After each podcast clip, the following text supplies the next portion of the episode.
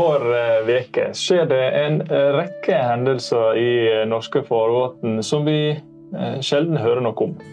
Heldigvis er det et fåtall av disse som ender i alvorlige ulykker. Hva gjør vi egentlig når et 190 meter langt skip er i drift i grov sjø og i dårlig vær, og som kan ende opp i fjøresteinene? Det var situasjonen som Sjøtrafikksentralen i Vardø fanga opp og meldte videre til Kystverkets eh, vaktlag eh, midt i januar.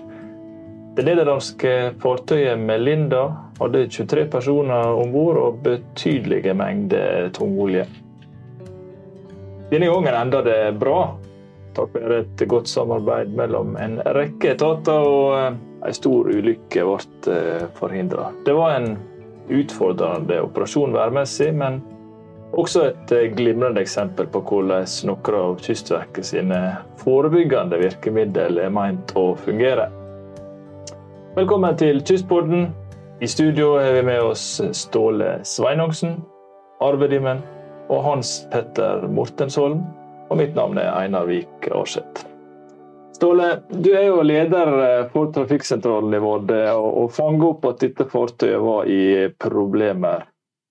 Og eh, Kystverket sin sjøtrafikksentral i Vardø, dere overvåker jo tankskip og, og eh, all type trafikk som følger ledene våre utenfor norskekysten. Og dette gjør dere for å forebygge uønska hendelser og, og bistå brobesetning i gode valg. Hva var situasjonen denne, dagen 17.1, og, og hvordan, eh, hvordan oppdaga dere det? Ja, I dette tilfellet så starta det jo med at eh, faktisk kapteinen sjøl eh, informerte om at han hadde problemer. Og eh, Kystverket har jo da ved Sjøtrafikksentralen i Vardø faste rutiner og instrukser på å håndtere sånne situasjoner. Men eh, meldinga gikk ut på at eh, der var noen problemer om bord, og i kjent stil så ønsker man to timer til å utbedre feilen. Ehm, ja, vi mottok det her og, eh, og, og eh, starta da på vår sjekkliste. Informerte samarbeidsaktører som er HRS og Forsvaret og Kystvakta. Og vi ser også litt på hva sivile aktører som eventuelt kan bistå. Dette er det en automatikk eh, som trafikklederne gjør, og, og har et trent øye på det her. Og ja, vi hadde kommunikasjon med han, og, og, og tida gikk. Eh, mens tida går, så, så har man eh, da skremla de her ressursene. Og, og, i dette tilfellet var det jo KV Harstad som var, var i nærheten da. Men eh, vi ser jo òg på vær og vind, og eh, i januar så er det jo ganske kjent med at det er mye vær, og eh, det var det også i dette tilfellet. Og, og det vi så at i, i, i, de neste timene så ville det også være eh, økning i vind, og da pålandsvind. Og det, det, vi så i det verktøyet vi bruker, at det, det overvåkningsverktøyet det var at det var, kunne være 10-12 altså worst case 10-12 timer til at fartøyet kunne drive på land hvis vi ikke klarte å sette sleper, eller at skipet klarer å, å, å utbedre feilen sjøl. Ja, Så det er mange vurderinger som gjøres. Ja, Det er jo egentlig ganske lita tid da, eh, midtvinters og med dårlige værforhold. da. Eh, hender det at eh, VTS-en, altså Sjøtrafikksentralen, at dere ser skip som er i trøbbel før de tar kontakt? Altså, Hvordan foregår det egentlig? Ja, det skjer faktisk det. og Vi har jo historier fra at vi mens kapteinen står med hendene i handa og reduserer fart, så, eh, så ringer vi om bord eller tar kontakt på VHF. Vi har jo eh, i Kystverket jobba med å, å, spisse systemene, overvåkningssystemene basert på erfaring. Og eh, nå har vi det sånn at vi kan sette fartsalarm. Så fort båten kommer i, i reduksjon i fart, så får vi en alarm i systemet. Og så er det som var inne på i sted, at da har vi faste sjekklister i instruksen vår som vi iverksetter. Eh, så eh, systemene er blitt veldig bra, og eh, ja, det, det, hender faktisk at vi kontakter fartøyet i det øyeblikket reduksjonen av fart oppstår. da. Men Ståle, hvor, hvor, ofte ser dere eller håndterer dere sånne situasjoner som, som kan føre til ulykker av denne kategori? Ja, det er jo eh, mange av de hendelsene kommer jo ikke i media, sånn som Melinda gjorde. Men eh, vi ser fra år til år så ser vi at et antall på 180 til oppi 250 fartøy som det vi kaller fra et avvik fra en normal seilas. Det vil da si at du stopper. Eh, la oss si fra Murmansk til Rotterdam, så får du et avvik og, og stopper opp.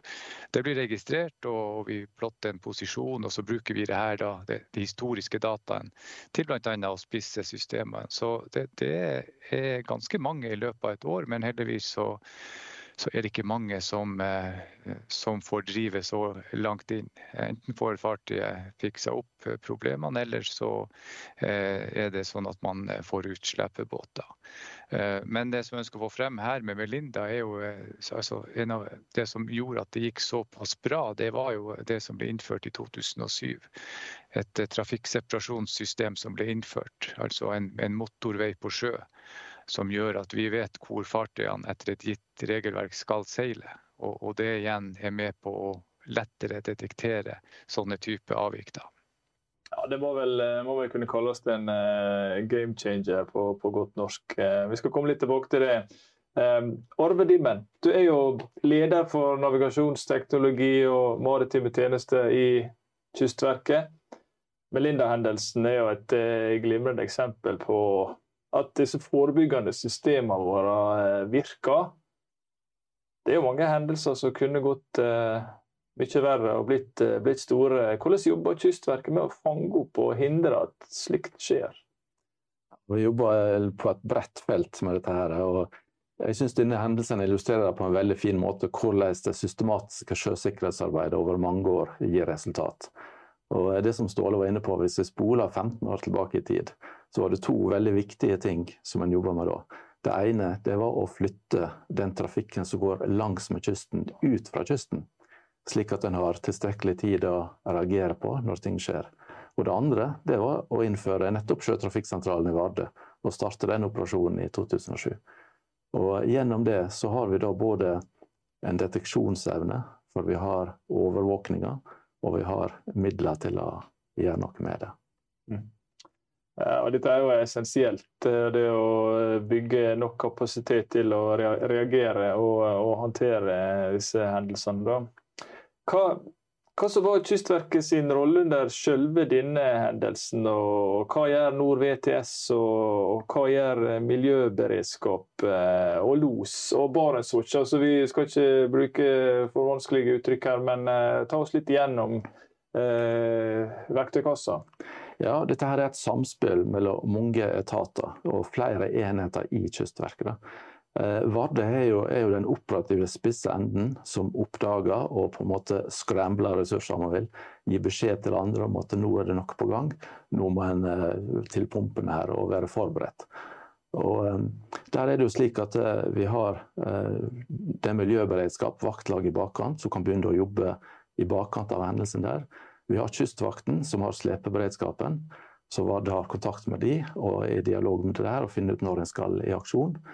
Og så har vi eh, det systemet som er Barents Watch, der vi har et samhandlingsverktøy. Og I denne konkrete hendelsen så var det kanskje 60-70 meldinger som gikk mellom disse ulike aktørene. Redningssentralen er selvsagt inne i en tidlig fase eh, og er med på å koordinere det arbeidet eh, her. da.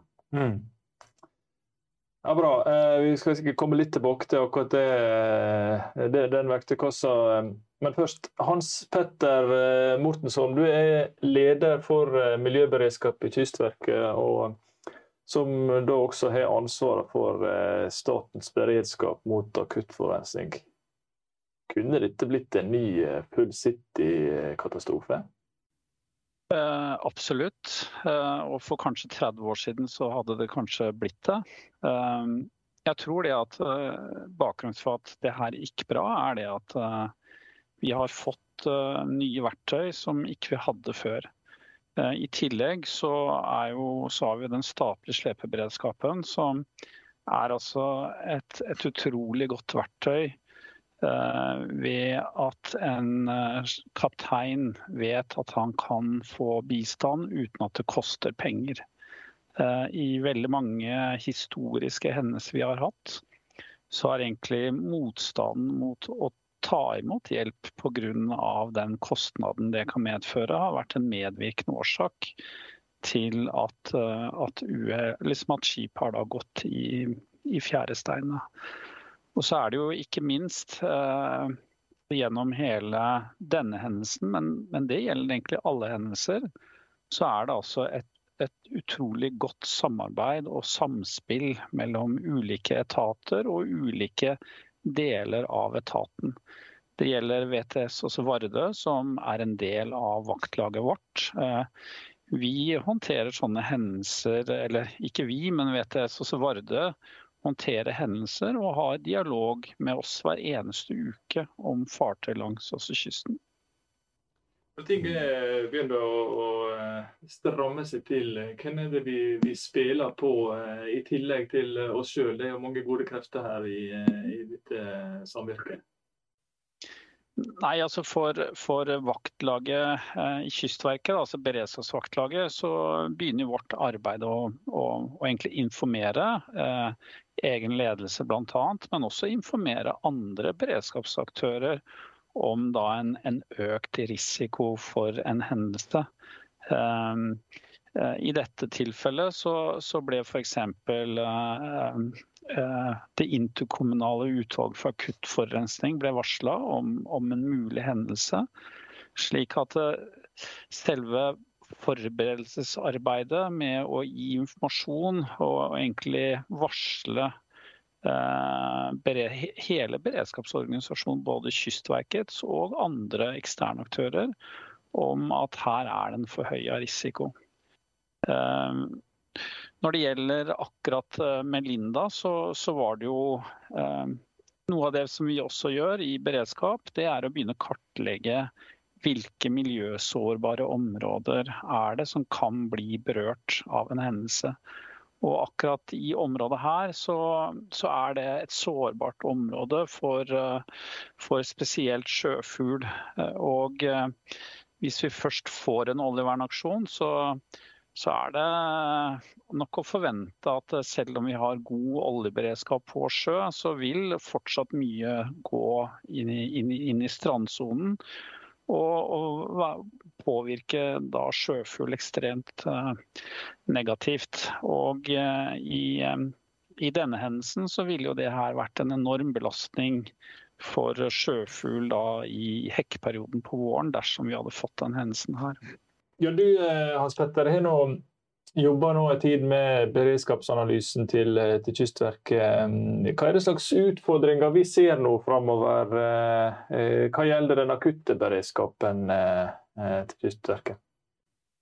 Altså noe av det som vi ser, og, og det var faktisk også tilfellet ved den hendelsen her, det er jo det at IMO har satt strengere egentlig regler for hvor mye svovel det er lov å slippe ut fra skip. Eh, og med bakgrunn i det så er man begynt å utvikle nye bunkerstyper som vi kaller for lavsåloljer, som inneholder mindre svovel. Og en del av disse oljetypene oppfører seg annerledes på sjø enn det den mer kjente uh, gamle tungolja gjør. Uh, jeg, har hørt, mange... Eh, jeg har hørt rykte om at uh, i, i, kalde klima så kan denne lavsoveloljen stivne helt på sjøen. Du kan nesten gå på den som Jesus. Ja, og i noen av lavsoljene stivner til og med på 20 varmegrader. Sånn at det, det, her tror jeg ikke er en, en problemstilling som kun egentlig gjelder kaldt. Nei. Men det at en olje stivner, bør for så vidt ikke bare være dårlig nytt heller for miljøet. Det betyr at du får mindre spredning. Eh, men det er fortsatt mye med, med lavsvovloljene som ikke vi kjenner til. Og det går veldig mye på hvordan påvirker de strandsonen? Altså hvor enkle er de å rense osv. Så, så det her er arbeid som vi jobber med. Vi, vi er nå i sluttfasen av et EU-finansiert eh, prosjekt som heter Imaros, som ser bl.a. på mange av de faktorene her. Men det med nye lavsololjer, det, det er noe vi må uh, være forberedt på vil være en utfordring ved den neste store hendelsen som, som kan skje. Eh, I tillegg ser vi jo det at nye energibærere, nye fremdriftssystemer utfordrer mye beredskapsbildet med tanke på det med kompetanse. Det at vi får skip med la oss si, store batteripakker utfordrer mye av den beredskapsorganisasjonen. Og det gjelder ikke bare på miljøsiden, det gjelder også på eh, liv- og redningssiden med tanke på risiko for innsats og mannskaper osv. Eh, veldig mye handler om kompetanse, men ikke minst så handler det veldig mye om eh, det med samvirke mellom ulike etater. Slik at det tror vi blir bare viktigere og viktigere fremover. Det her med, med å øve sammen med andre etater. Eh, også etater som jobber primært innenfor liv og redning. Eh, fordi eh, fremtidige hendelser mener vi vil være enda mer komplekse enn de hendelsene som vi hittil har hatt erfaring med. Bra. Orve, hva tenker du at vi har lært av denne hendelsen? vi lærer mye av alle hendelser, og uh, ikke minst her. Så for det første har vi lært at uh, ting fungerer. Vi har en, en, god beredskap, vi har en god overvåkningsevne, og vi har kapasitet til å håndtere det. Samtidig så vet vi at det her er sårbart. Dette er jo hendelser som også kan skje med annen type trafikk, nærmere land f.eks., der vi ikke har tid til å få fram ressurser. Eh, Ref cruisetrafikk og maskinstans der f.eks. Slik at det å jobbe forebyggende, det å, å være i tett dialog med næringa, ta hensyn til det vær og klima og de forholdene en møter når en skal planlegge seilaser, gjennomføre seilaser, være fleksible, eh, det er veldig viktig. Så det å jobbe forebyggende er, er viktig, og det har vi også lært i denne hendelsen. Du har vært en pådriver for eh, utvikling av vårt eh, AIS-nettverk. Kan du si litt om hva er det slags teknologi, og hva gir det oss av sanntidsdata og informasjon om trafikkbildet og havområdene våre? Ja, det, De fleste har kanskje hørt om AIS nå, ikke sant? der du eh, bruker våre system eller Marine Traffic eller andre for å se på skipstrafikken. Og Der handler i en veldig enkel uh, forklart så er dette et automatisk kommunikasjonssystem der en bruker den gode gamle VHF-en som du har uh, på maritim radio, og bruker den og sender datapakker over den, der du forteller om skipet forteller om hvem du er, og posisjon og hastighet osv. Og det dekoder vi det, og så sender ut i form av kart med skipsposisjoner osv. For å kunne gjøre dette, så har vi bygd ut et basestasjonsnettverk som vi kaller det langsmed kysten. Som gjør at kysttrafikken har vi veldig god oversikt over der. Det vi begynte med igjen for 15-16 år siden, det var at vi må dekke havområder også. Så da gikk vi et samarbeid med Norsk Romsenter, Forsvarets forskningsinstitutt og, og Norsk Industri lager da disse AIS-satellittene våre. Som virker på akkurat samme måte, egentlig, men de flyr jo da opp i rommet og detekterer trafikken i havområdet. Så denne informasjonen samler vi og deler ut. Noe til offentligheten og noe til andre samarbeidsetater. Og, og bruker det i den type hendelser som dette. Altså her er det masse teknologi og systemer i bakkant uh, som hjelper oss å Eh, og, og, vi har jo hatt eh, en fin utvikling på det digitale domenet også. Vi ser jo hva, hva det hjelper oss eh, på tiden, og at vi kan løse oppgaver på, på nye måter. Og Du Ståle, du sitter jo inne i disse systemene, og du og dine folk på Nord VTS. Hva slags utvikling har du sett de siste åra knyttet til det digitale domenet, og hvordan det hjelper oss? Ja, det, det, har skjedd en utrolig utvikling fra da vi begynte med, med det her i 2007. Da etablering av Vardø sjøtrafikksentral eh, var en realitet, så, eh, så, var det Vi jobbet på en helt annen måte, en, en eh, mer tungvint måte. Vi måtte sjekke opp om, om hele tida på de sensorene og de signalene vi fikk inn. I dag er det som jeg var litt inne på i sted, at systemet gjør mye av jobben for trafikkleder på vakt, og så setter vi og, og sjekker ut alarmene som systemet genererer. Og, ja, det, har vært, det, har vært, en effektivisering og en forbedring på systemsida. Og, og, det igjen gjør jo at man kan gjøre andre oppgaver, sånn som å sjekke f.eks. de her SafeSea-nettmeldinger og andre meldinger fra fartøy. Og, vi har jo også, Du var litt inne på AIS-satellittprogrammet, men vi har jo også det vi kaller for radarsatt. Altså vi tar bilder oppe i norske havet, Barentshavet, Nordsjøen for å avdekke forurensning. Det er også veldig viktig at norske myndigheter viser at vi er til stede. Det er ikke noe fristed for å slippe ut uh, gråvann eller, eller andre forurensa kilder. Sånn at det, det å ha sensorsida, der, der har vi sett det, det som veldig viktig. Og eh, en god dialog med næringa og, og, og, en god overvåkning og en god dialog, det, det er utrolig viktig. Så teknologien, det er det, det, vil jeg si har vært en, en, revolusjon og vært med på de her 15-16 årene fra vi starta. Veldig bra. Og det er jo vanskelig å uh, lage en podkast eh, i kystverkregi uten å snakke om teknologi, og bra er jo det. Helt konkret i dag så kan vi iallfall noen gang konstatere det, det gikk bra i forbindelse med, med Linda-hendelsen. Det ble ingen utslipp, og uh, vi gjorde en god innsats. Men uh, jammen var det mange rundt oss uh, som også bidro tungt inn som en del av samarbeidet i, i, norsk sektor og for norsk sjøsikkerhet. Og med det, mine venner, så er det vel grunn til å avrunde. Tusen takk til dere alle tre.